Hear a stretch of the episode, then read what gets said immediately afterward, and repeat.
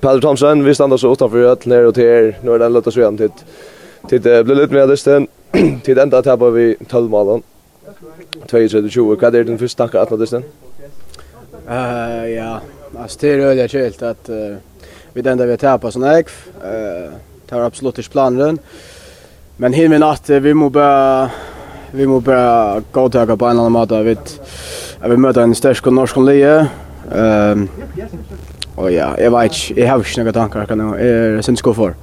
Ja, han ska för det är det är sån vanten vanten som som är tomma för ut med möte gå Leon men men kan kan kan ta det liksom vi vi är för att det är några det tog som nu. Ja, alltså så han det vi tar ett onkli, eh några unga läkare som har sett gott av att få så röntnar eh allt så. Eh men alltså akkurat dysten jag vet inte om vi kan ta oss ner för att dysten själv on vi blev halva är av eh vi får några skier som är ganska tisch och happy akkurat nu.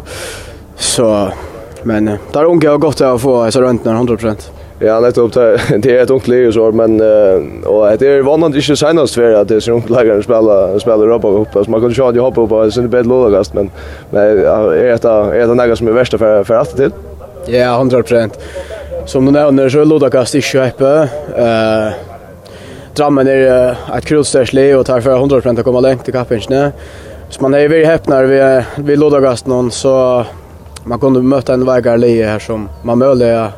har haft uh, chans for å spille troja, eller som kunde til åkken gjør så ja, jeg har aldri 100% att at det er noe som man skal bygge vojar i fremtiden. Petter sen takk for det. Kjør takk.